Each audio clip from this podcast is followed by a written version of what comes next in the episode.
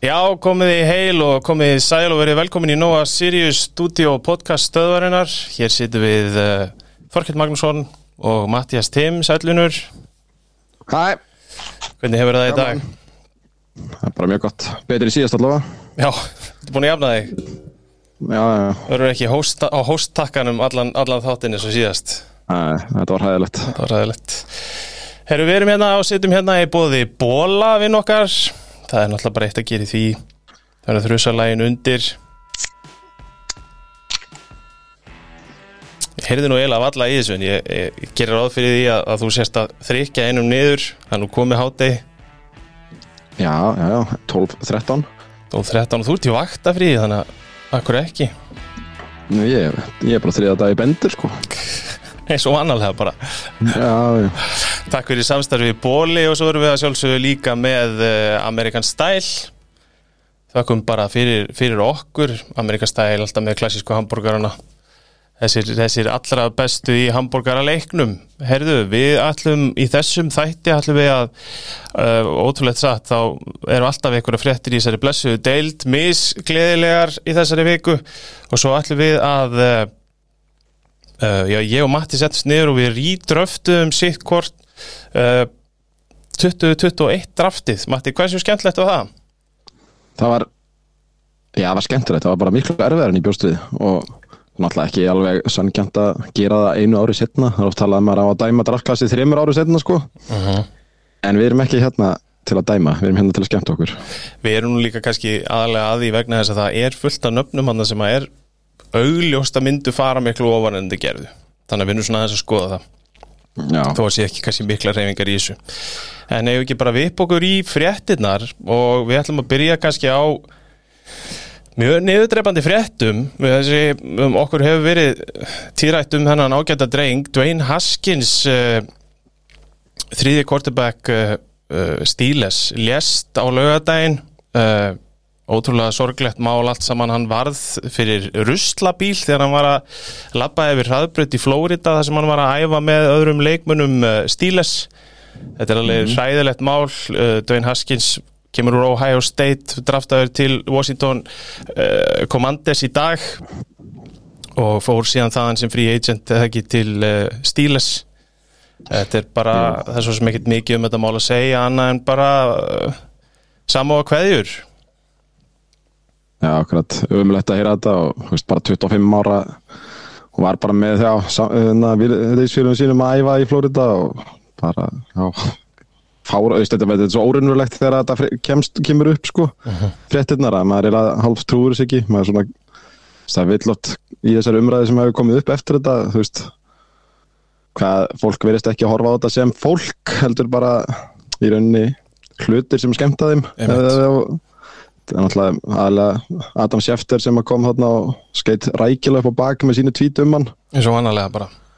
Já, hann hefur ekki átt gott ár í ár og hérna, já, þetta er bara umlegt og maður sá það nú bara á leikmönnum að þeir voru allir sem eitna bæði að verja hann og óska fólki samúða kveður, þannig leikmaður sem átti kannski svolítið erfitt uppdráttar í þessari deildin en, en var með greinlegt potential til þess mögulega að verða einhvers konar backup og, og hérna, þetta er bara ræðilega sorglegt, við skulum bara ekki vera að dælja neitt frekar við þessar fréttir.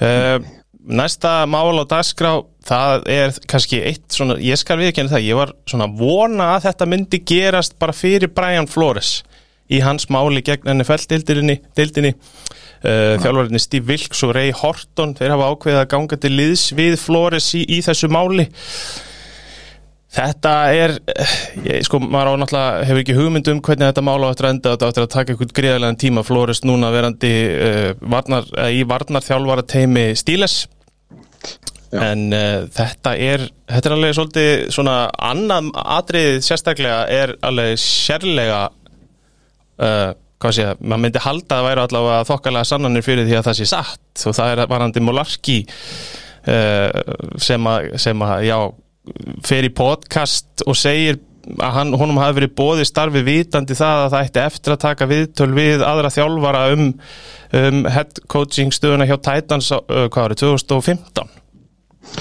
Já, hann var hvað búin að vera hérna svona bráðbyrjað þjálfar í einhver tíma hjá liðinu og hann vil meina hann hafi hérna, þú veist, hann var eitthvað að tala um að hann vildi vera heiðalegur og allt þetta og vildi svona sigla sínu skipi heiðalega en hafi tekið þátti þarna frekar shady dæmi þegar hann frétta hann væri hérna ætti að fá starfið og þeir þurfti að fara í gegnum alltaf þessar rúni reglu og allt þetta.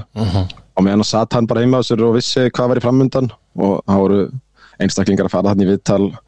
Þar á meðal þessi Ray Horton sem gekk hann til liðsvið Flores og þetta var alveg frekar glata þú veist út af því að þetta podcast kemur sko út í hitti fyrra. Mhm, 2020 Þú veist, og, og virðist ekki ná veist, þetta er sko, þetta er eitthvað Steelers podcast sem að er með 218 followers á Twitter.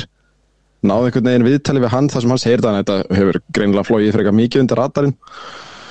Og svo hinn hann Steve Wilkes þú veist hann var reykjir hann eftir þú veist hann vildi meina að hann væri svona bridge coach hjá Arizona þú veist fekk ekki, fekk bara eitt ár til að vera þarna og svo fengur hann alltaf Cliff Kingsbury.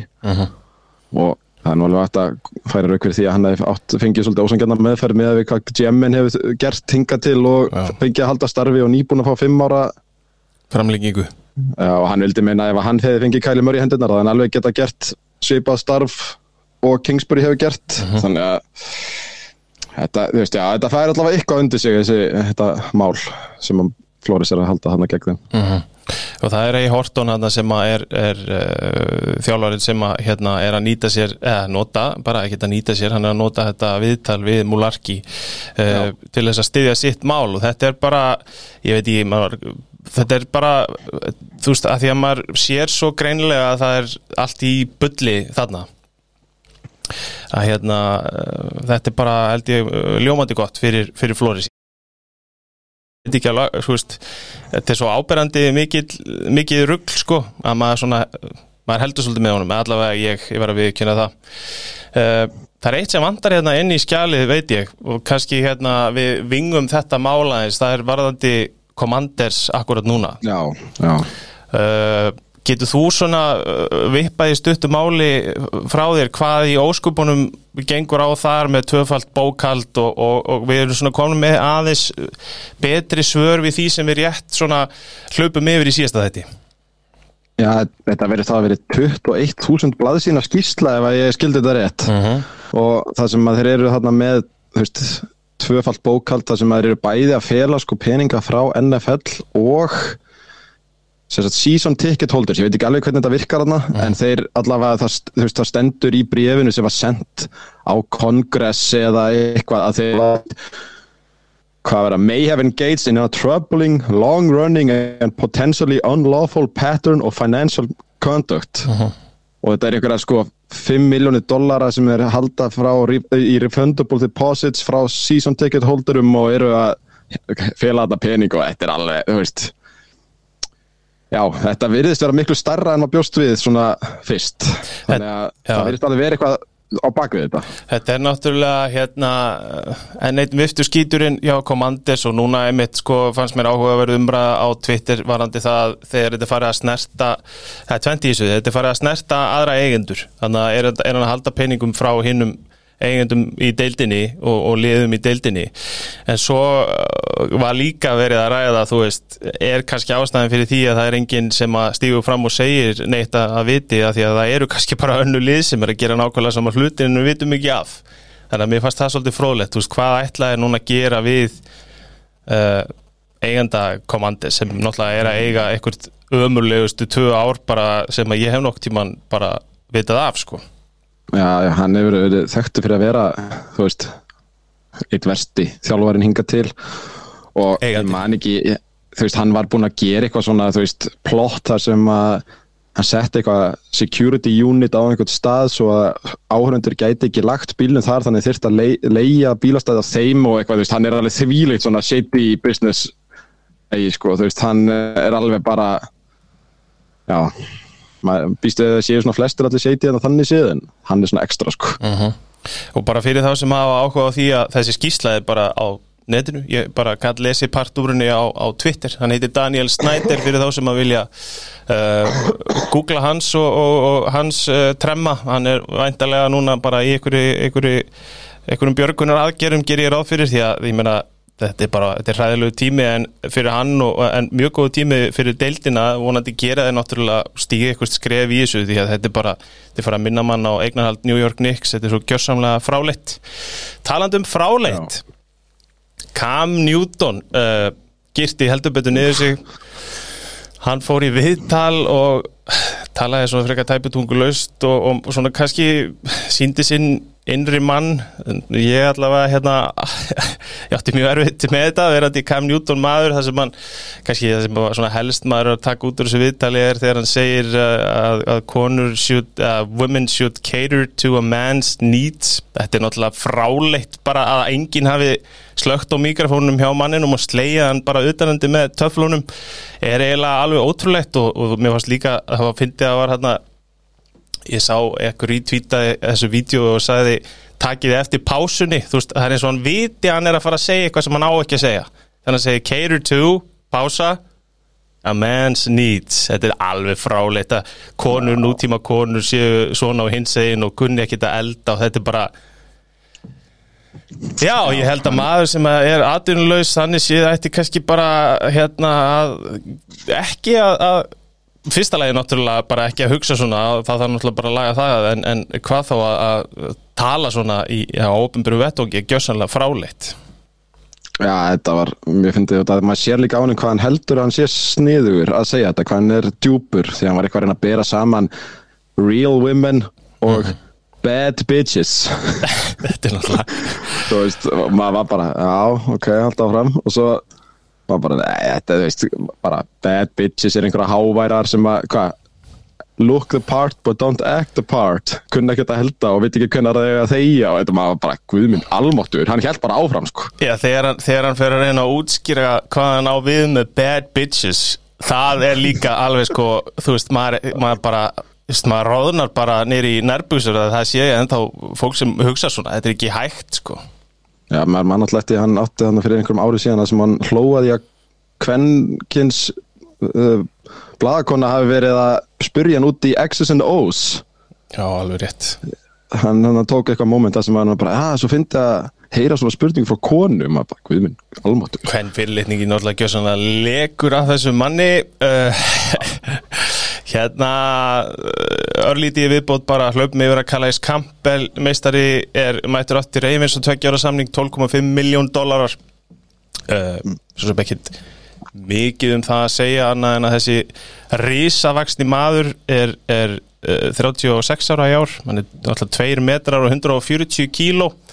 Og ég held að það hefur bara verið til haps fyrir Ravens þannig að hann er ennþá alveg usable rusher. Já, já, já, bara fullur að reynslu sko. Og þetta er náttúrulega mjög líkt Ravens að vera með svona eldri reynslu bolta á kannski frekar þægilegu samning. Já. Og þetta er bara geggjað. Mér finnst alltaf að fyndi að maður sér svona við og við vídeo þar sem að menn er að tala um hvað hann er mikið tröll, hann er tveir sko, hann er tveir metrar og fjórun centimetrum betur sko og 140 kíló, þetta er ekki smá biti. Og svo gæti ég ekki betur séð á öllum fréttum en að Aron Donald sé búin að svona, allavega næstu því ákveða sig sem að ég eiginlega hafði enga trúi hann, hann náttúrulega var að tala um mögulega að hætta. En, en þú veist á besta aldri, besti leikmaður deildarinnar svona, já, má segja það. Ég meina, trúið því einhver að hann var að fara að hætta Nei, eiginlega ekki veist. Nei, ég, þetta er meira svona eins og, þetta er pínus og breyti, byrjuðu þú hann að segja þetta sko. uh -huh, Nákvæmlega. Uh, Á lokum, þá er fyrir þá sem hafa áhuga á því þá eru svo kallar voluntary off-season workouts að byrja og byrju í þessari viku. Og eru lið sem eru farin að mæta og, og þetta er þessar dæfingar þar sem að eh, leikmenn hafa valum að þetta er ekki inn í samningum, þú þarft ekki að mæta á þessar dæfingar en það er svo sem, það er náttúrulega alltaf verið að flega fram fréttum um að sumlið þar, þar hafi allir mætt og svo náttúrulega verið um leið og einhver eins og Rodgers mætir ekki þá þá hefur, þarf að hafa sérstatt orð því að Aaron Rodgers er búin að taka ákvörðunum það að mæti ekki sem ég skil fyllilega vel. Hann á, uh, það er einn vætri sífur á svæðinu, ég held að hann ætti nú bara kannski að kvíla sig og, og, og sjá hvað Pax alltaf gerir þeim málum en þetta er áhugavert og ég meina svo sem ekki til þess að fjölir það neitt sérstaklega um Nei, nei, þetta er, fólk vil gera drama úr einhverju, er það yfirleitt þetta sko. Einmitt. Mér finnst bara áhugavert og, og gaman að bara, veist, fólk fylgist með því að þegar þetta er oft tala um þessi sex mánuða sport að, að þetta er miklu meina það og núna byrja liðina þess að líma sér saman náttúrulega með sína hundra leikmenn eða hvað sem við erum með á, á, á launaskrá. Akkurat. Herðu, eigum við að vipp okkur yfir í mál málana? Við erum basically Já. að lista okkur upp hérna uh, tvær vikur í röð. Við erum hérna með fyrir framann okkur mjög, að mjög, mörguleiti mjög ólíkar leiðir í því hvernig við gerðum þessa hluti. Við rýdraftum 2021 drafti, sérst drafti í fyrra og þetta er svo sem rétt það sem Matti bend á í byrjuninni að það er náttúrulega alltaf frekar skrítið að gera þetta svona snemma. En mér fannst þetta alveg skemmtilegt og ég er sammálaðið. Þetta var, ég held ég myndi bara vippis upp en, en Já. Ég, þetta var, var erfið en ég held ég var í tómu basli þarna. Fyrstu svona 15 pikkin ekkert mál, við kláruðum sérst 32 pikk fyrir alla fyrstu umferðina. Við sjáum til hvað við fyrir langt í þessu þetti uh, en þetta var erfiðara og erfiðara og erfiðara eftir því sem áleið og uh, já, maður, maður er að bera stundum saman sko Uh, afskaplega líka leikmenn sem að, og, og þarfir hjá liðum síðan fyrir ári síðan sem er náttúrulega gjörbreytt landslægi ár. Þannig ég fór svolítið eftir hvernig maður hefði gert það í fyrra ekki kannski hvernig ég myndi gera það í ár. Ég veit ekki hvernig þú snýrið þér í þessu sko. Já, ég var svona begja bland í rauninni. Þetta var svona, þú veist, jú, ég hugsa kannski meira um svo þetta væri núna en samt svona með smá í huga hvað þeir gerðu á, í fyrra.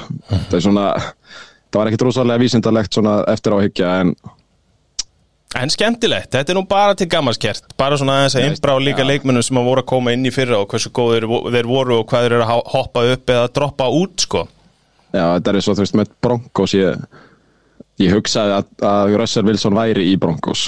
Veist, þú veist, þetta var svona pínu þannig.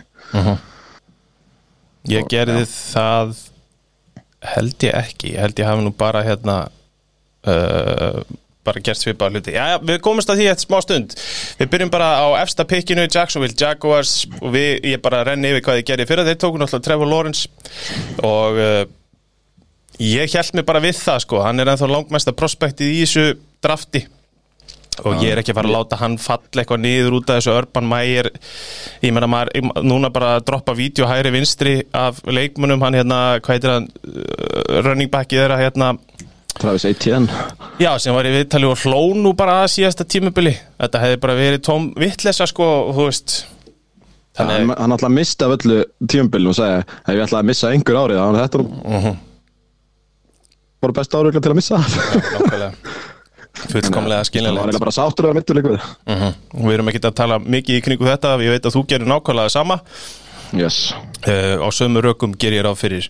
Uh, Númer tvö í, í fyrra var uh, voru New York Jets Þeir tóku Zach Wilson frá BYU uh, Ég held mig við það pikk uh, og ég hugsaði þetta bara út frá því að veist, þe- þetta er bara, hann er eh, í raun og veru ennþá málið, mikið prospekt og svo hann sé, og veist, við eigum bara eftir að sjá hann fín púsast og fyrir mér var eitt ár ekki nót þess að ég myndi droppa tilfinningu, eða sérst bara eh, einhvern veginn ekki horfa á tilfinninga New York Jets, hvað gagvart honum hvort að það hafi breyst eitthvað mikið á einu ári, hvað gerir þú? Já, ég, ég ákvað enda Justin Fields þarna, en eiginlega bara út af þessu eina ári þú veist, ég langa að brjóta þessu upp í þessu, veist, Justin Fields var alveg í umræðinni til að vera nummer 2-3 í draftklassinu og það var nú ekkert super ár hjá einn kóru þannig að ég var bara mjög óviss hvort ég ætlaði að gera en svo ákvað ég að henda Fields bara út af því að hann verði svona ég veit það ekki, hafa svona meiri hlaupa í sér og gerði fannst mér meira og, en eins og ég segi, Zach Wilson og hann voru og að svipa í fyrir fannst mér. Þetta var ekkert frábært ár Nei, einmitt. Mér svol- svolítið fyndið samt að þú skilju leifa þér að að- af hverju ekki treylans þá ef þú ætlar að skipta þarna? Já, þú veist, ég veit ekki bara að ég vildi fá hann í númer Já, þrjú. það er það sem ég vissi nefnilega að væri málið sko. En þú veist, ég veit ekki.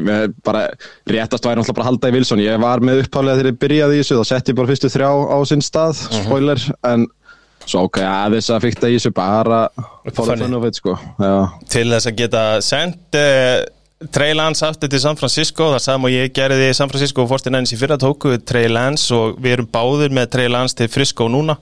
Já, já. Væntalega vegna þess að þú bara ert reyfin á honum og þið langaði í hann. Og, og hérna ég skrifaði bara hjá mér þú veist, í, í rauninni var eini sjensin fyrir mér var að Jets myndi stel honum. En, en annars er hann bara maðurinn hjá 49ers, ég meina þeir eru að fara inn í þetta tíumbil með Trey Lance, þannig ég veit ekki ekkur ætti ég ætti að hérna, droppa honum út úr þessu eða, eða breyti eitthvað mikið til. Nei, Takk fyrir þessa ítalegu útskýringu, Mattias já, sorry, átti ég að tala. Ég hérna, tilbúin í næsta var að fá pick, mér en sopa. Ég finn svona dra, dra, drafti byrja einhvern veginn hjá okkur núna. Það er góðu lagi. Herru, númer fjögur, já, þá byrjar ég raun og veru uh, hvað þessi, nú búið að setja þetta allt í, í mixerin og hrista svolítið vel upp í þessu. Uh, Númer fjögur eru Atlanta Falcons og ég fyrir að þá tóku er Kyle Pitts, tight endin sem er náttúrulega síndi svo sem að hann er frábær leikmaður og mun verða það. Hvað gerir þú, þarna? Ég ákvað að henda Micah Parsons sem að Dallas tóku nummer 12 overall. Linebacker. Þú veist, hann er bara le- Linebacker sem að var samt edströssir líka, veist, hann verist bara að hafa umturna þessari vörn, veristist einhvern veginn vera svona leikmaður sem að lifti vörninni á, þú veist, annar plan, svilar hann að tvær, tvær stöður og þú veist, þetta er svo mikilvægt ef þú ert með gæja sem getur verið með eitthvað passers og ég held að Falcons hafi alltaf náða að rössa þeir passer í fyrra sko, þú veist, þetta er bara eitthvað svo mikil svona building block leikmaður, personuleiki og kraftur og svona. Mér er svona grunna að þeir myndu taka hann. Mér finnst þetta gott val hjá þér. Ég valdi Jamar Chase sem fór til Cincinnati Bengals og ég bara hugsaði með mér ef þú tekur Kyle Pitts þarna á þessum tímapunkti og tekur ekki eitthvað af þessum sterkari varnamönnum þá var það alltaf á ætlunin og ég þú veist, Chase eða Pitts kannski skiptir ekki öllu máli en Chase fannst mér bara alveg geggjaður á þessu tífumbili hjá Bengals. Þannig ég hugsaði með mér að Chase til Falcons væri bara frábært sko. Já, uh, taka þá bara besta vætri sífirinn í þessari deild. Númer 5 þar eru Cincinnati Bengals sem tóku títrættan uh, Jamal Chase. Ég setti bara næsta vætri sífur af borðinu Jalen Waddle sem átti frábært tímabil hjá Dolphins og bara virkar eins og hann hafi sm smollið þar inn virkilega vel. Uh, sé enga ástæði til þess að, að með við hvernig þetta gekk allt í fyrra að þeir væri að fara að taka sóknarlínumann uh, þannig að Waddle einhvern veginn líklegast í vætri sífurinn á þessum stað. Já, já, klart. Hann náttúrulega var geggjör, ég ákvað bara að taka Jamar Chase aftur fyrir þá, veist, þeir hann náttúrulega er laus, fyrst að ég tók ekki hérna, Chase til Falcons þá bara það sem er mjög öðvöld að gæði náttúrulega varð nánast bara top 5 vætri síver þegar hann var draftaður. Já. og kemur hann til college quarterbacksins sinns og þetta er bara, já, geggjör gæði Gekkjaðu gæði Herðu uh, Næsta mál á dagskrá eru Miami Dolphins sem eru þetta búin að missa af tveimur bestu vætri sífurunum hjá mér þannig ég ætla að gera það sem að hefði meika fullkomið sens fyrir þá uh, í fyrra og drafta offensive tackle og senda Rasjón Slater til þeirra. Hvað eru við með hjá Ég- þér? Ég, ég setti bara nákvæmlega sama gæja, gæji sem að koma hann inn í Chargers liðið og þú veist, þetta er bara left tackle framtíðunar, þú veist, það var, ég veit að hann var draftaður í topp eh, half fyrstu umferðin, en þetta var eitt svona stíl of the draft hjá Chargers, þú veist, bara að hitta á left tackle sem getur bara henda hann í stöðuna í tíu ár er bara nánast ómetanlegt fyrir utan kortebekkin, sko, Já. Þannig að það væri náttúrulega geðvægt að hafa hann hann hjá Dolphins. 100% og alltaf við höfum að tala um það sama það sáru vantar hjá þeim uh, sóknarlínu hjálp í rauninni. Já, já, þá fyrir við í næstum menn það eru gargararnir í Detroit Lions þar sendi ég Micah Parsons. Uh, bara því mér finnst það ekkert eðlilega sexy. Ég held að svona taktu Micah Parsons og karatinn sem hann er og sett hann undir football guy og bara leið honum að braska bara. Bara í geðveikt. frjálsir í rullu. Já, já, veist, hann yrði bara vörninn, það er líka við að hann yrði bara til defensive coordinatorinn, þú veist, að hérna vera bara, hvað segir maður, svona playcaller, svona fyrirlið hjarta vartanar, það væri þetta geðvögt. Ég meina hann myndi enda sem bara einhver, einhver hérna, Mike Linebacker hérna, einmitt þú varst að tala um til tíu ára, bara hann yrði bara einhver skeppna hérna í fleiri fleiri ár, Já, já, klart. haldist hann heil Hvað segirðu? Það er bara, þú veist, já, klart, hann er bara það góður og getur náttúrulega gert nánast hvað sem er sem þú vilt að hann geri, sko. Ég hérna tók það svo sem ekki fram. Þeir tóku Penny Sewell sem er það sem þú ætlar að setja þeim. Komdu með Já, það. ég, bara, ég held mér svolítið við það sama og hann með Slater, veist, bara vera með góðan left tackle er svo mikilvægt. Mm -hmm. hann er kannski ekki mest sexy eftir þetta eina ára en hann stóð sér bara vel og ekki takt að dingan fyrir það neitt, þú veist, hann bara er þetta er svo mikið positional value mm -hmm. þetta left tackle dæmi, þú veist, að hann var ekkert í mikið umræðinni en bara mjög fín mm -hmm. Algjörlega Herðu, ég er að fatta núna að það vantar náttúrulega leikmenn í drafti á mér sem ég er að horfa bara í augun á núna. Það eru Carolina Panthers sem tóku JC Horn í fyrra. Og JC Horn var nú bara svona eitt mesta corner prospekti eða bara mesta corner prospekti þannig í þessu drafti. En meiðist eftir hvað þrjá leiki og dettur ja. út, út allt tímabilið. Yep.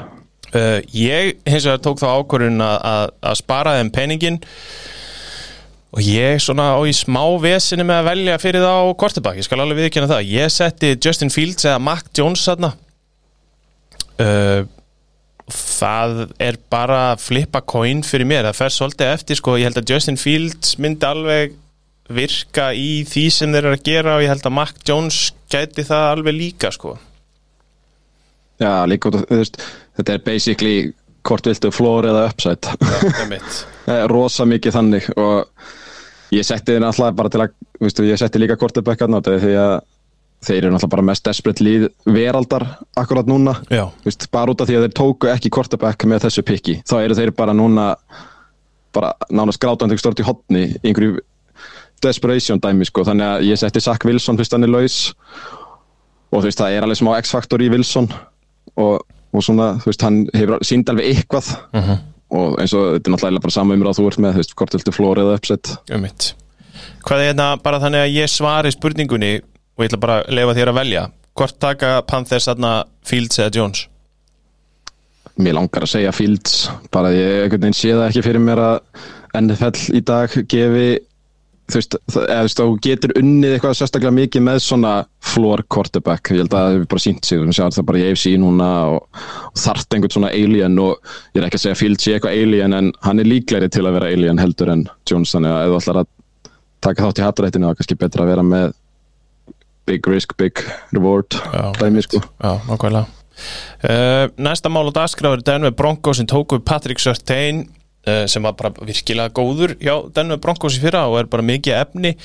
Uh, þú heldur þið bara við það pikk eðlilega já, kannski? já. hann síndi bara að hann geti verið 17 kornur og bara virkilega góðu kornubekk og ég þarna hefði maður fyrst að ég með Mac Jones lausan og hugsaði að þeir voru ekki með Russell Wilson í fyrra heldur Teddy Bridgewater.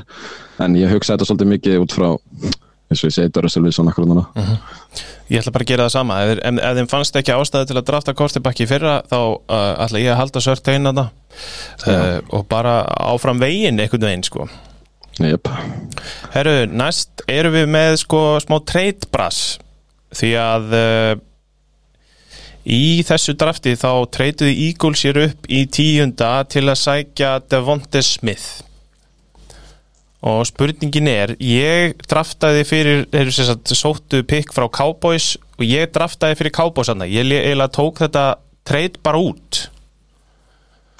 Já, ég gerði það endar ekki. Það er í góður lei uh, hvað hérna, það myndi svo sem ekki breyta neitt rosalega miklu hjá mér sko en hérna en, uh, hvort sem það er ef, ef það er Cowboys þarna þá skrifa ég cornerback eða Pitts og ég held að ég endi bara að senda Pitts þánga Kyle Já. Pitts uh, var það mikið efni í fyrir að hann er ekkit að fara að drafta neitt mikið neðar aðna ef það er Eagles þá verður þeir að fara að taka Devonte Smith sama hvort er þarna eða í númið 12 þannig að það breytir ekki neinu. Nei, ég setti að Eagles í stæðan fyrir að drafta Devonte Smith þá eru þeir með Jalen Waddle. Já. þannig að Já, já, þetta er bara svipuð pæling þurfa vætri sífur og hafa náttúrulega drafta svo marga vætri sífur að hátt. Uh -huh. JJ Oseka Whiteside og hérna Jalen Rager uh -huh og það bara hefur ekkert hitt á þeim þannig að Jalen Waddle var bara mjög fint hjá Eagles. Já, náttúrulega það sem við vitum um hann í dag er að það hefði ekki verið flop pick eða svona maður áætlar það að mista kosti. Yes.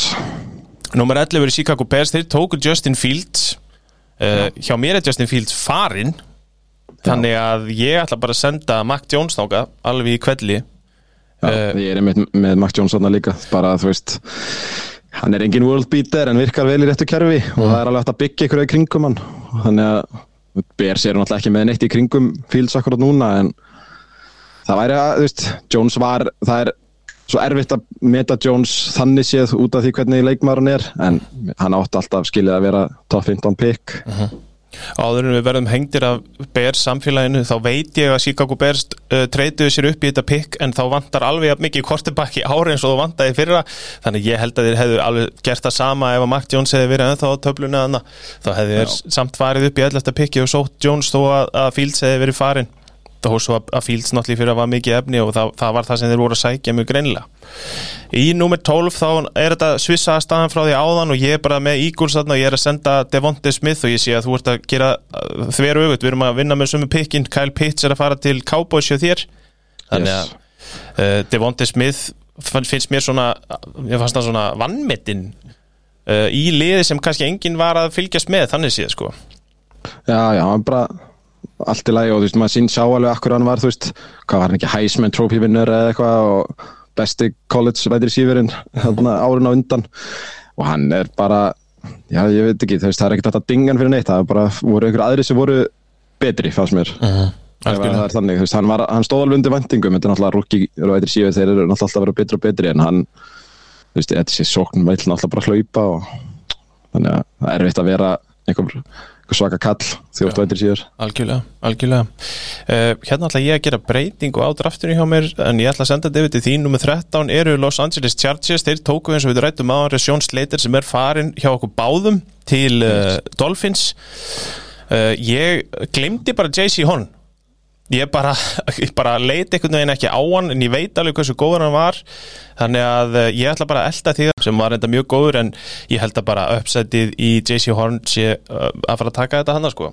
Já, já, þú veist, bara, bara, bara mjög flottur í þess að þrjá fjóra leiki þannig að maður hefur alveg trúið að hann sé geggjar og þú veist, þetta er alveg cornerback one of the future hjá Panthers og að Chargers sé að fá hann þarna er held ég bara mjög fínt fyrir það þeir þurfum alltaf ekki mikið að pæla í sókninni. Maður svona pæla í kannski eh, Christian Derishaw, hann að left tackle sem er hjá Vikings í dag en já, hvað að taka horn í staðinn.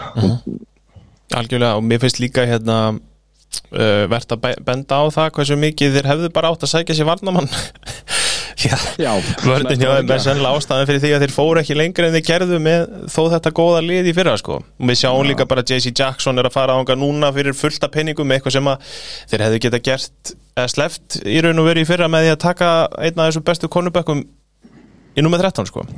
Já, ef að Slater hefði ekki verið laus. Já, ef að náttúrulega, ég ætla ekki að fara sko, að það að taka sleitir, ég ætla ekki að fara hérna að segja að það er fyrir lélegt, ég að sleitir er geggjaður leikmaður og ég held að Já. það sé alveg á, mjög ábyrrandi, en hann er ekki í bóði það er bara svo leis ekki þessari veröld.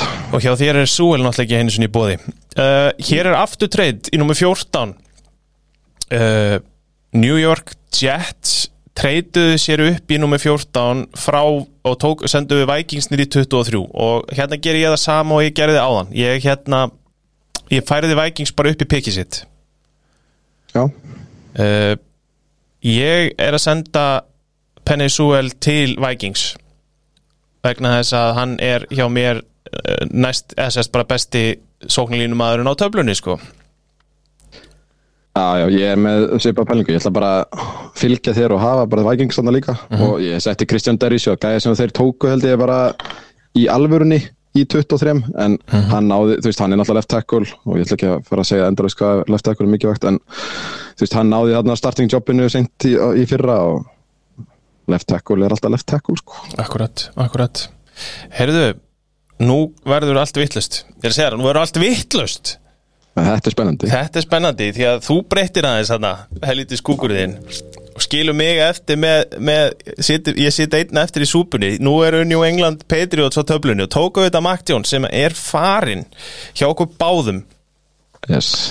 en ég held að það, sko, þeir hefðu aldrei farið inn í tímabilið með það sem var í bóði á kortibak markanum þannig ég er að senda kongin frá Houston Texans til, til New England Patriots sem er að sjálfsögðu Gaten Davis Mills vinnur uh, bygga okkar.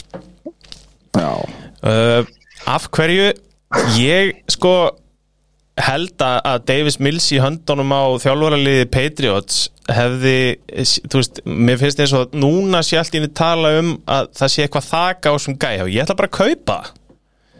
Þess að sé, sé, sé herra þak á honum heldur en, heldur en svona hafi verið í umræðunni með þennan mann. Og ég bara hef trúið því að Davis Mills hefði geta staðið sér bara proper fínt þarna í Patriots og, og ge- getur mér að hann átti fullt af fínum leikjum hjá Texan sem hann skelvilegt lið Já, ég svona var með Mills í fyrstu umferð þannig að, veist, ég var ekki með hann hjá Patriots ég var með hann annar staðar en svo beilaði bara því, ég setti Devonta Smith hjá Patriots og svona þeir væri svona pínu að hugsa þannig að þeir væri að byggja upp fyrir framtíðar quarterback eða einhvern stóran free agent sem myndi losna, sko, það var svona pínu það sem að ég hugsaði með þeirra hugsunarhátt Ákvæmst að senda líka gæja sko í þetta vætri receiver core sem þeir voru búin að eyða einhverjum 50 miljónum dollara í á þessum tímabúndi Stundu þarftu bara að taka best player available og figure the rest out later sko. þú veist, það er Jú, jú, Devonta Smith væri flottur vætri sér eitt þeir söfnuðu sér saman fullt af vætri sér tvö og Já. það þurfti að vera einhver svona aðal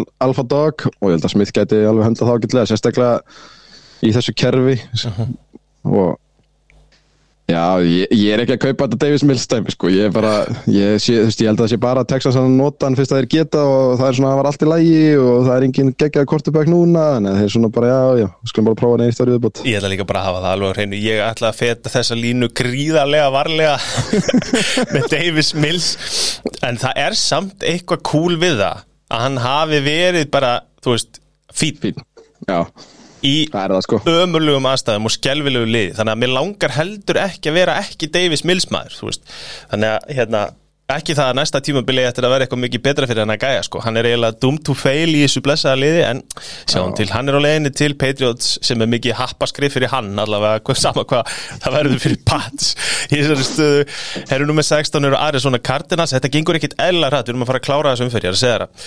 Uh, þeir tóku Savin Collins sem er linebacker. Uh, ég veit ekki svo sem þannig sé sko hversu góður sá gæi er en hann fjall út úr fyrstum umferðinni á mér Já, mér líka, ég, hérna, svona til að taka baka tjöldin, ég draftaði hann í IDP, Fantasy Dynasty deild og hann gerði eiginlega ekkert fyrir mig, þannig að ég svona var pínu að fylgjast með honum og ég skildi aldrei akkur eða dröftuð hann og, og þeir bara, já, ég tók hann að Greg Newsom í staðinn, cornerbackin sem er hjá Browns, sem var bara hrikalega fýtt cornerback, þú veist, og þeim vantar líka eitthvað í, talent í vörðina sem heitir ekki linebacker. Já, og eftir að Patrick Peterson alltaf farin og svona og það vantar bara talent í þessa vörð og Greg Newsom væri bara geggjaður geggjuð viðbót í þetta lið.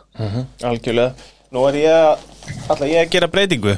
Út af þessu með hann hann ég er að ná í blað hérna til að reyna að muna þetta. Til bara hingri með mér hlustendur kærir. Maður séu hér er ég með blað af því að þetta er að fara að hafa nú sjáu því hvaða áhrif þetta hefur á þetta blessa draft að gera eina breytingun í miður drafti. Þýðir bara klukkutíma vinna í að vinna þá breytingu tilbaka sko. Ég ætla að elda því þarna. Ég var með Anna Pick ég ætla ekki að, jú ég var með uh, betri bróðurinn Amon Ra. St. Brown. Uh, ég ætla að færa hann niður. Þetta er lifandi podcast. Og ég kannski að bladra eitthvað um, með hann? Já, gera það endilega. Ja, kannski svo fólk átti að sjá því þá vorum við að skoða hjá skorum verum í gær og þá föttuðu við báðir að við með, vorum með leikmann tvísvar og, það, þá tók nú við hálftíma prógram eftir því sko. Reyndar ekki á mér, ég, þetta hendaði mér fullkólega því að ég glemdi, ég man ekki hvernig mér glemdi sem að þá gæti ég tróði honum inn í fyrstu umferð. Þannig að þetta er ég mæli með að fólk prófið þetta, þetta er miklu erfæra að maður heldur. Og maður hefði nú svo sem geta farið á netið og gert þetta. Það er einhver svona simulator frá því fyrra bara nota hann. Lítið hefði verið það verið nett Já, ég veit ekki alveg akkur ég er ekki að segja þetta fyrr en já, það er hérna að gera þetta svona eftir haustnum og skoða, maður var á Wikipedia að skoða einhvers staðar í sjöttu umferð og ég veit ekki hvað og hvað til að að gleyma nú engum. Akkurat, en sem betur fer var nú engin free agent það hefði nú verið eitthvað að henda undrafted free agent hérna í fyrstu umferð. Já, akkurat. Herru, ég held ég sé búin að bjarga mér hérna. Ég ætla þá að senda Greg Newsom. Ég á hann ennþá, hann og ég ætla að senda hann til Cardinals. Uh, þó svo að ég sjáu alveg að þá sár vantar vætri síver, þá þetta var ekki træðilegt pikk að senda uh, Amon sjálfan til Cardinals, bara svona eftir á að hyggja eftir síðasta tímabil. Nei, alls ekki, það myndi henda sem ég líði vel, sérstaklega eftir að mistu Christian Kirk á stærsta vætri síðar samning ásins eða hvað, þannig að Eigum við kannski bara halda þessu svona? Já, hjá okkur ekki. Herru, ég er búin að leysa þetta mál. Ég veit hvert Newsom fer Það fyrir hinga Þetta ekki hrifin að því? Ég er hérna því. Þá fer Amon Ra, minn maður þanga og ég reyndar tók eftir því að því að ég fór í Seven Collins uh, pælingar og ég sé samt að sko Cardinals er að ætlunum mjög stórt hlutverk á næsta tímbili þeir eru, búin, að, ég man ekki hvern þeir eru búin að losa sér við til þess að gera pláss fyrir fyrir Seven Collins. Þannig að eins og við segjum, eftir tvö ár getur vel verið að Seven Collins poppi aftur upp í fyrstu umfyrir hann að raglegast í Cardinals. Þannig að það er bara eins og það er Já, við erum náttúrulega, eins og sögum á hann, mjög ósangjarnir að vera að gera þetta aftur núna. við hefum náttúrulega átt að réttast að taka hvað, 2018-19 klassið, Já, en það er ekkert jáskjöndlegt. Nei, nummer 17 eru Las Vegas Raiders sem tóku já, frekar slaka ákvörun í draftinu, svona eins og vanalega. Þeir tóku Alex Leatherwood sem er bara allt í lægi í sóknarlínumæður og ekkert erindi allavega þarna í dag. Og ég er að senda Kristján Derisjó sem fórum mig til Vikings til uh, Raiders þannig Já, þú veist, það er bara, þeir náttúrulega tóku þarna sóknarlínuna sína í fyrra og springt hana upp. Ég tók uh, Elijah Vera Tucker sem að Jets treytuðu upp þarna í alvörunni uh, uh, og tóku í hvað, 14, já 14 og þú veist, þessi gæi er náttúrulega bara ofbeldisfull jarðýta sem gard, uh myndi gera helling uh, fyrir þetta lið. Og hann er bara, það, það er bara ósengjandi að horfa á hann stundum, hann er svo vondur við fólk. Já, heldur betur. Númer átján eru Miami Dolphins. Þeir tóku reynda frábæna leikmann hann sem kemur við setna hjá okkur báðum. Þeir tóku Jalen Phillips í fyrra sem er safety, eða ekki? Fyrsti safety Nei, það, er, það er hérna Edge Russer Hann er Edsurussin, já, já, já, ég er að tala um annan, fyrir Já. uh, Jalen Phillips er ekki að fara hérna heldur er ég að senda þeim vætri síver sem þeir fengu ekki ofalega. Þeir fengu Elijah Moore þarna, leikmann New York Jets Já, sem náttúrulega mjög skemmtilegu leikmaður. Mhm. þú veist, hann er kannski ekki stór en hann getur samt spilað eins og hann sé stór, veist, hann getur spilað slott og outside og, og allar græður, Mhm. en ég ákvað að henda hérna second round pickinu hjá Chiefs til þeirra, Creed Humphrey sem er bara svona gard, stór bara sko, stærsti gardin í deildinni. Mhm. í, í, ég held að sé 2-2 eða eitthvað.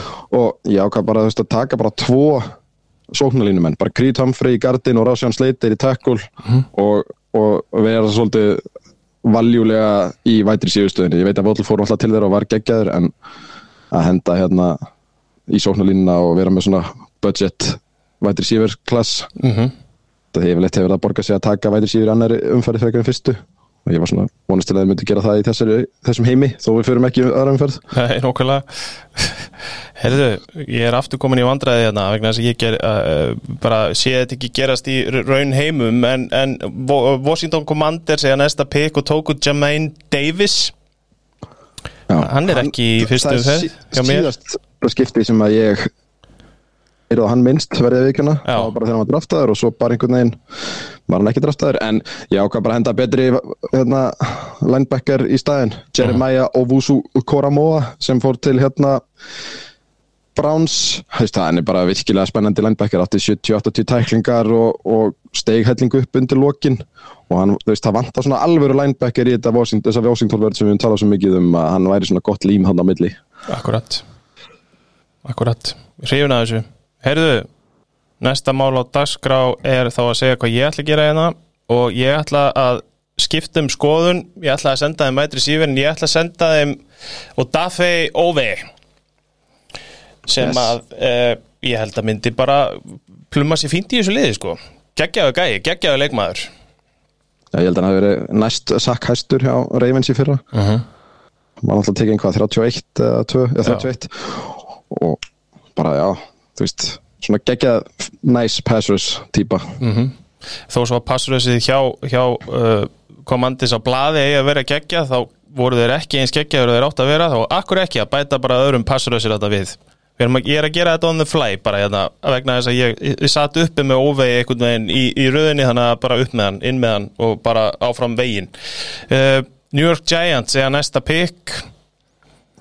Uh, hvað pick eru við komin í? Mm, 20 20, já, Þeir tóku Kaderius Tony eru náttúrulega í dag með dýrasta vætri sífikori í deildinni. Kosta yfir 50 miljónir og á sama tíma skiluðu fæstum touchdownum, las ég.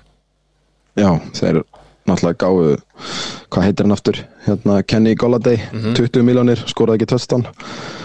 Þannig að Erum með Störling. Shepard og frekar háum samningur með Kaderius, Tony er með fullt af vætu síðan sem skil ekki neinu.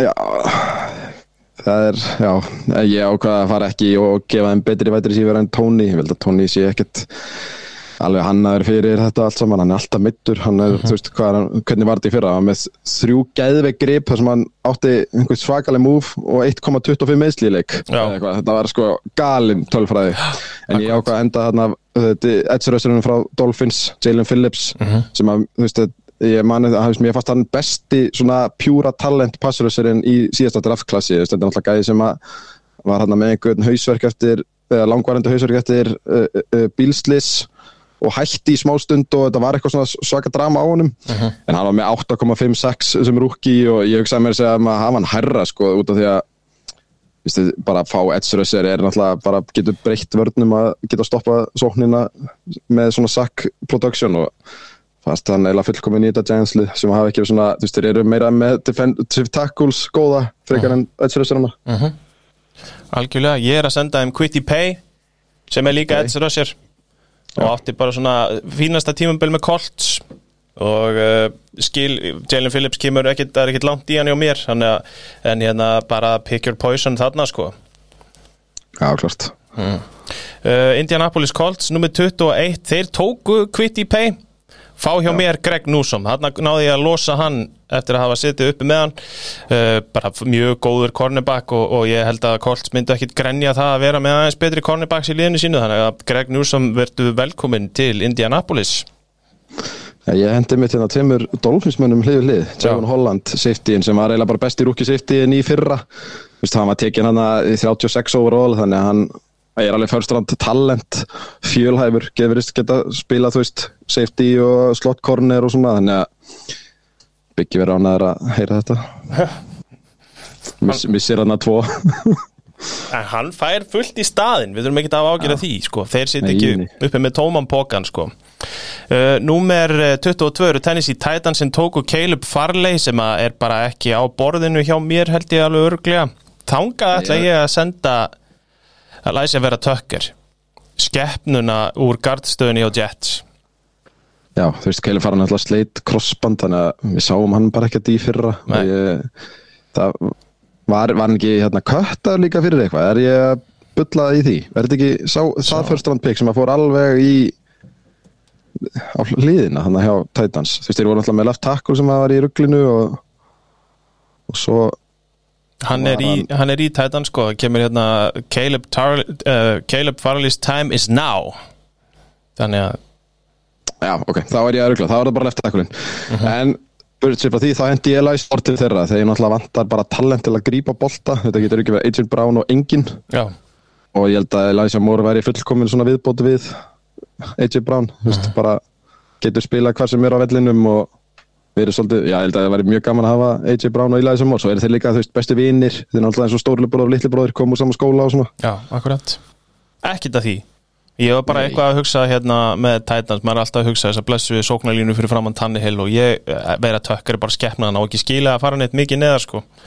Uh, ekki séns og hann myndi ekki fara neðar vegna þess að næsta á borðinu hjá mér eru Jets. Uh, sem að náttúrulega treytu þessu upp þannig að það er svona svo hálf tilgangslust á þessum stað í, í fyrra tóku Minnesota Vikings Kristján Darsjó sem við erum búin að nefna áður og ég ætla að senda þeim uh, Erik Stokes cornerbackin úr Green Bay Packers sem að mér fannst bara uh, ljómandi góður hjá Packers í fyrra og bara ég held ég geggja pikk fyrir Jets þannig sko. Já, eh, þeir náttúrulega eru í cornerback vandræðum akkurat í dag, hvað sem er, ég held að það gætu alveg eitt þessu fourth overall í cornerback, en ég hendi, þú veist, vantar eiginlega bara talent í vördina, en ég hendi þarna Odafi Ove, sem þú hendi til eh, Washington f- áðan, þú veist, bara pass rush, bara þurfa hjálp í pass rushinu og Robert Sala vill vera með varnalínu sem er góð. Þannig að það er bara fannst mér basic að hendur það algjörlega. Uh, næstir eru Pittsburgh Steelers þeir tóku náttúrulega running back sem að ég er ekki að fara að gera í þessari uh, fyrstu umferð mun Nei, ekki gera nei, í nei. þessu lífi. Það verður engin running back tekin hérna tóku Najee Harris sem að ég reyndar er mjög hrifin af mista góður running back og allt það gott og blessað. Uh, þarna ætla ég að senda þeim Javon Holland, safetyin sem fór til uh, Miami Dolphins og það er bara vegna þess að ég fletti upp uh, PFF rankings á safetyana í deildinni og einhvern veginn kom það upp þannig að Pittsburgh Steelers getur bara vel notað annan safety í þessa mögnuðu vörð sína uh, og ég var líka að hugsa þetta út frá síðasta tímbil og þá voru þeir gjössalega með bölkað vætri sífurrúm þannig að það var svo sem ekkit var ekkit uh, annað að gera þarna heldur en fyrir mér að senda þeim senda þeim einhverja hjálp þarna í safety eða cornerback. Já, nei, ég mitt hendi í cornerback-stöðuna Erik Stokes sem fótið pakkes, þú veist, væri bara mjög hendur hérna, þú veist, þeir eru náttúrulega með hérna, hvað heitir hann sem að sem er núna, og hann var að það skiptir ekki máli, sem er cornerback 1 og það væri bara alveg ekki að vera með svona solid cornerback 2, við erum að vera í smá vandræði með þá stöðu. Ég held að það væri bara í góðu lagi. Ég er að kíkja á þetta fyrir því hérna því að þeir líka stóli úr mér sko.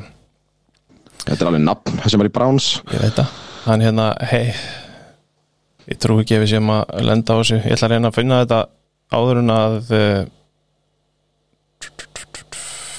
er ég á vilsum staði, hvað ert þú að tala? Trú heitin Trú heitin, já, en hann er farin í dag eða ekki? ah, hann er allavega kemur ekki upp hérna sem er Justin er Lane og. Levi Wallace sem eru í base 3-4 já, já, frí, hann er free agent þannig að það er ennþá betra, það er ekki stóks bara cornerback 1 heldur betur, það er bara mikið grenni við því. Nei, uh, næsta running backs aftur. Jacksonville Jaguars sem tóku alveg óskiljanlegt pikk þarna fyrir öllum og ömmum þeirra í fyrra. Þeir tóku Travis Etienne sem að spilaði ekki neitt í fyrra og þakkaði Guði fyrir það. Ég ætla að senda þeim Jalen Phillips sem þú varst að tala um á hann kekkja hann uh, Edge Rusher uh, bara til að bæta honum við Josh Allen og, og gera vörnina hjá Jaguars að einhverju aðeins betra en þeir voru í fyrra sko. Já, ég hendi em, þetta er annarkvort að varnaleina eða sóknaleina hjá Jaguars, þeir eru hvað sem er að fara að gera það núna með first overall. Og ég hendi bara hérna left tackle Christian Barmore sem að fór til Patriots í annar umfjörði fyrra og bara virkilega fín left tackle sem að ég skil ekki alveg pælinguna bak við það að taka running back þegar þú ert með lélega sóknalínu og Andrew Luck 2 og drafta hann, þannig að bara hjálpa manninum og setja einhvern rum fyrir fram hann. Seg, segðu mér nú aðeins, er það að senda Christian Barmore sem fótt til Patriots sem sóknarlínumann því að hann er varnarlínumann sko. What? hann er defensive tackle for the New England Patriots. Ég, ég bara varð að tjekka á þess að því ég er með hann hérna eftir smá stund annað sem defensive tackle sko.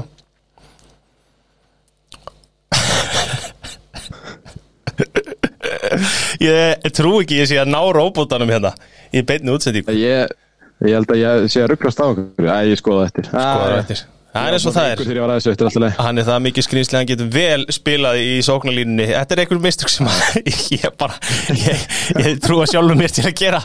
En hérna já, já, Kristján Barmór er flottur strákur. Hann má alveg fara til Jaguars, hann er að fara til tvö byggja mér. Hendur maður bara hangað uh, Cleveland Browns eru næstir á svið með pikk nummer 26 þeir tóku Greg Newsom sem er löngu, löngu, löngu, löngu farin hérna. Og uh, ég ætla að uh, senda þeim Jeremiah Owusu Karamoa sem er linebacker. Af því akkur ekki, hann er geggjaður. Og tóku þeir hann ekki meira í annar umferð Browns, Jú, jú. ég er bara að senda hann heim. Setta hann sem minn defensive rookie of the year í spanna okkar fyrir síðasta tímbil mm Mhm. Það er nóg til hann. Hann nót til og ég bara hann var frábær. Hann bæsti gæðin á, á bortinu í þessari stöðu. Þannig að áfram veginn. Þú ætlar að senda þeim vætri síver Ég hendi Amon Ra Saint Brown til þeirra þannig að veist, þeir náttúrulega eru í vætri síður vandræðum í dag Mhm. og maður sá svona fram á það þeirra landri og maður vissi náttúrulega að, að OBJ drama myndir nú gera verða einhverju Mhm. sem var síðan varð. Þannig að Amon Ra Saint Brown með er bara vætri síður eitt í dag hjá þeim. Já, það. Já, Þannig að ég bara, maður einhvern veginn mjög basic þegar ég setti þetta upp. já, algjörlega. Geggjaðu líka, Amon Ra komur ekkit eðlilega mikið á óvart í fyrra, bara verðskulda að fara hérna frekar ólega í þessu blessaða drætti, nú með 27 boltum og reyfins þeir tóku, vætri síverni Rashot Bateman sem að var allt í lagi. Uh, ég ætla eins og að senda þarna sóknlínu mannin slash defensive line mannin Christian Barmore uh, sem er bara mjög góður leikmaður og, og Baltimore Ravens eru þekktir fyrir það að, að hýrða og gerðu það náttúrulega í þessu drafti stuttu setna þá hýrtu þeir uh, uh, í varnalínuna hjá sér. Þannig ég er að senda þeim Barmore og bara, við erum búin að senda ég er búin að senda alla vætri sífur einhvern veginn í burtu þannig að ég ætla bara að halda með það Já, ég reyndar hef trú á Bateman, hann bara held ég að ekki hitt á rétt lið einhvern veginn. En ég hendi til þeirra cornerback Asante Samuel Jr. sem fór til uh, Chargers í annar umferð. Kom bara virkilega vel í deildina. Ég eiginlega vonaði að Fortin Ennis hefði draftað hann í stæðin fyrir hennan gard sem hefur ekki sest síðan hann var draftaður. Þannig að það var svona minn gæi sem ég vonast eftir að þeir myndi fá. Þannig að hann var bara eins og ég bjóst við, bara virkilega stöðugur cornerback 2 með Marlon Humphrey hjá Ravens í þessum heimi. Já, einmitt. Ég vona að fólk sé að ná að fylgja allir með þessum nöfnum, ég veit að það er svona, að náttúrulega fólk eru á misjöfnum stöðum uh, í, í þessu, ég kannski sendi bara þennan, uh, þetta draft inn á Instagramið okkar, þið getið séð það þar, þannig að þið getið nú kannski kíkt á þessa strákaða því að við erum að hlaupa svolítið yfir þetta hérna sem er bara held ég betra að við séum ekki að ræða þetta alveg í þaula. Númer 28 eru uh, New Orleans Saints, þeir tóku Peyton Turner sem að er defensive end. Uh, já, ég bara skal alveg viðkynna það og nú verður einhver seint sem maður alveg brjálaður. Hann er ekki að fara hérna og ég bara, hann er ekki að fara í þessum, þessum drafti hjá okkur. Uh, ég ætla að senda þeim Travon, uh, Trevon Mórich sem fór til hérna Las Vegas safety og átti bara mjög gott tímabil þar Þeir eru rauninni tóku first round, þetta var mjög fyndið, þeir hefður rauninni átt að taka hann í first round Raiders og hennan Leatherwood í second en ákveða að skipta því, þannig að þetta er svona, svona, svona samanlagt þá hérna gekk þetta nákvæmlega hjá þeim en hann var mjög fýtt hjá þeim uh -huh. og ég, svona ég ætla að hann, hann væri, hann var hátt á lista hjá mér en hann komst ekki alveg inn í fyrstu umferð þegar ég hendi til þeirra hérna, Aziz Ojulari uh -huh. sem að fór til uh, Giants held ég að við slegið rúki í sakrekordið þeirra Já. með 8-6 og þú veist, hann hefði í raun átt að vera ofar saman á Jalen Phillips, þetta pass rushing dæmi sko, en hann er svona sér og virkilega skemmtilegur leikmaður Mhm, Algjörlega uh, Númer 29 eru Green Bay Packers mínu menn og þeir eru náttúrulega með cornerback Blæti tóku Erik Stokes sem er farin í okkur báðum. Þannig að ég er að senda þeim Nate Hobbs sem að eh, PFF rankaði held ég númer fjögur eða fimm af cornerbackum í deildinni í fyrra. Uh, Hvart ekki við því, kemur líka frá held ég Las Vegas Raiders, tveir að fara þar og ég ætla bara að skella honum í, og við sáum það bara á síðast tímbili hjá Packers að það var alveg þörf á því að taka cornerback. Erik Stokes spilaði vel og Nate Hobbs er, er góður leikmaður og, og fer þarna til Green Bay. Það var hann aftur draftaður, 167 overall, 50 umferð. Já, Æ, við erum greinilega báðir að senda svona Steal of the Draft leikmenn til pakkas ég hendi Trey Smith sem er guard var tekinn 226 overall til Chiefs Já. startaði bara frá degi 1 og leiði bara 4-6 og var eitthvað bara geggjaður. Ég held að hann hafi spilað sko næst mest af snaps af guardstöðunni í NFL sko. Þú veist bara gæði sem var bara settur inn og þar var hann bara. Já, einmitt. Einmitt, einmitt. Sem hendar vel í þetta lið. Já, já, bara hérna það, Þetta er bara þannig á Packers. Þetta eru sóknarlínumenn og cornerbacks og, þanga, og einn og einn first round quarterback. Annars, annars er þetta ekki flókinu uppskrift þarna í, í Wisconsin. Númer 30 eru Buffalo Bills. Þeir tóku Gregory Rousseau og ég er að senda hann aftur ánga bara góðu leikmaður og bara spilaði fínt fyrir Bills og þeir taka hann bara aftur fyrir mér. Já, ég, ég hendi hérna Quitty Pay. Hann er náttúrulega laus hjá þér sko, hann var ekki laus hjá mér sko. Nei, hann var ekki þeirra en bara flottur þú veist, gæið, þú veist, hann var svona ekkert gífurlega ábyrrandi en átti svona mikið var playin á milli og, og var bara, þú veist, ég held að hann hafi ekki mist, þú veist, hann hafi verið að starta allar leiki hjá Colts. Þannig að your, hvað er það, availability is your best ability. Gamla góða. Og þannig að hann bara myndi henda vel í, þeir tóku rössir og þetta er bara annar rössir Einmitt, og öruglega betri á pappirunum hann er bara, eins og ég segja, hann er farin hann er að ég tók bara Greg aftur hann var ekkert að flækja þetta. Nei, Baltimore Ravens tóku, við erum búin að ræða hann tvisar hérna, Odafe Ove og ég er að senda mannin sem að þú varst að tala um frá Giants Aziz Ojulari hérna, Edge Rusher bara sama, geggjaðu leikmaður. Og uh, þú veist, þetta er bara next, next man up sko, mikið Edge Rusher um að fara hérna hjá okkur í fyrstum fyrirni Já, ég hendi mitt Gregor eru svo þangað. Þú veist, hann var bara svona með 5-6 og int og þetta var svona ekkert, hann var með svona eitt af öllu einhvern veginn, þú veist bara svona power rusher, virkilega fín, stór. Einmitt, ekkert að því. Nei, Herru, við erum komin á enda stöð hérna. Það eru Tampa Bay Buccaneers sem tóku Joe Tryon Shoyinka. Uh, hann er linebacker eða ekki, held ég alveg öruglega. Nei. já, outside linebacker held ég. Uh, og ég er að senda þeim linebacker í rauninni bara tilbaka. Þannig að hvort Pete Werner eða Nick Bolton Nick Bolton er uh, að fara að fá stærra hlutur hjá Chiefs á næsta tíumbili þannig ég segi enda á að taka hann bara þarna. Já, Nick, Nick ég Bolton verður til Tampa. Sorry, allt í góð ég, ég hendi Nate Hobbs. Þeir eru í cornerback svona ef að þið vilt finna vandraða stöðu hjá Tampa í ár, þá er það cornerbackin Mhm. Og Nate Hobbs væri náttúrulega stíl fyrir það þarna. Getur Algjörlega. spilað bæði outside og inside eða slott Ég held að, mitt, að Nate Hobbs er svona einn af þessum gæm sem að ég held að ég, við hefðum alveg, hann er svona einn af þeim hjá mér sem að ég hefði alveg viljað að geta þrýst aðeins ofar en þú veist, it is what it is. Merkilega góð fyrsta umferði fyrra, svona einu ári setna Ég mitt er með það hérna ég skal bara fara, ei, ég ætla ekki að gera þetta ég ætla að benda á það að það er ekkit, við erum sko að reyfa svolítið við fyrstu umferðinni en það er ekkit mikið að leikmennum sem við erum þannig sé að skilja eftir sko. Nei, nei, ég held að þetta sé átta leikmenn, nýju leikmenn. Já, ég er að skilja eftir nýju leikmenn. það gæti verið að þú sért með einhverja af þeim hana hjá þér, ertu ekki með Caleb Farley eða, nei, þú varst ekki með hann. nei, nei, nei.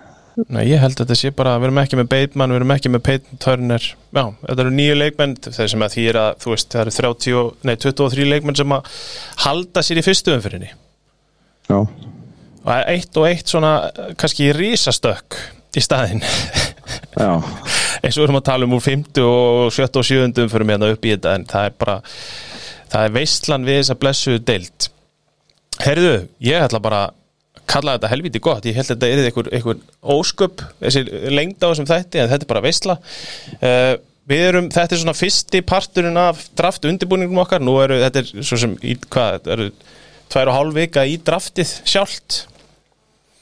Já, það er minna. Það eru átján dagar, já, tvær Já, og Shit, bara þannig að það sé sagt ástæðan fyrir því að við erum hérna tveir sem er náttúrulega indislegt að vera laus við allan hávaðan í hinnum fuglónum hérna er að, að, er að þeir eru að ferðast um heiminn. Valur okkar var eh, í einhverju, einhverju vinnuferð í, í Pólandi og ætti að skila sér í hús á morgun og á saman tíma þá að byggi er að fara í einhvers konar fjölskylduferð og missir af hérna draft undirbúningnum að stórum bluta En það þýðir ekki að við gefum ekki út þætti, við mætum hérna í næstu viku og býtum við ætlum að kynna aðeins þekki draftklassi, taka einhvers konar ranking á, á eh, helstu stöðunar, var ekki í planið? jú, svona topp 3 til 5 í svona helstu stöðunum. Við kannski förum ekki fullbackana og, og þess áttar en ég held að það getur verið mjög skemmtilegt. Og þetta er náttúrulega eins og kannski við höfum komið inn á þetta er, svolítið, þetta er ekki, þetta er ekki all, sko, eins, eins og staðinir í dag er þetta ekki jafn spennandi draft og við vorum kannski að fara yfir núna sem er kannski önnur ástæði fyrir við erum að fara yfir 2021 draft er hversu mikið það var af góðum leikmunum þar en þetta er samt fróðlegt draft og verður alveg spennandi að sjá hvernig það fer. Það er mikið af edge rusherum ofalega lítið af kvortubökkum, þetta er svolítið öðruvísi draft en svona við eigum að þekkja.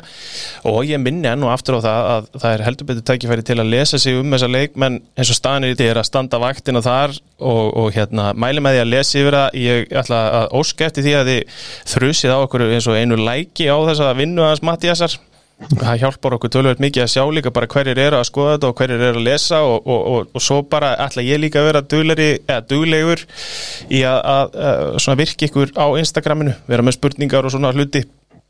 Og uh, ég held í vikunni þar og eftir þá stendur til að mokka.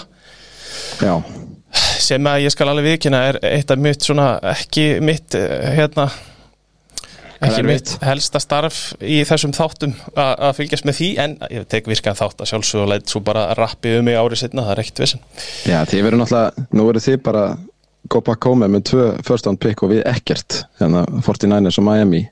Já, þannig að þið þurfum að taka keflið. Þurfum við að taka keflið? Já, hérna hér.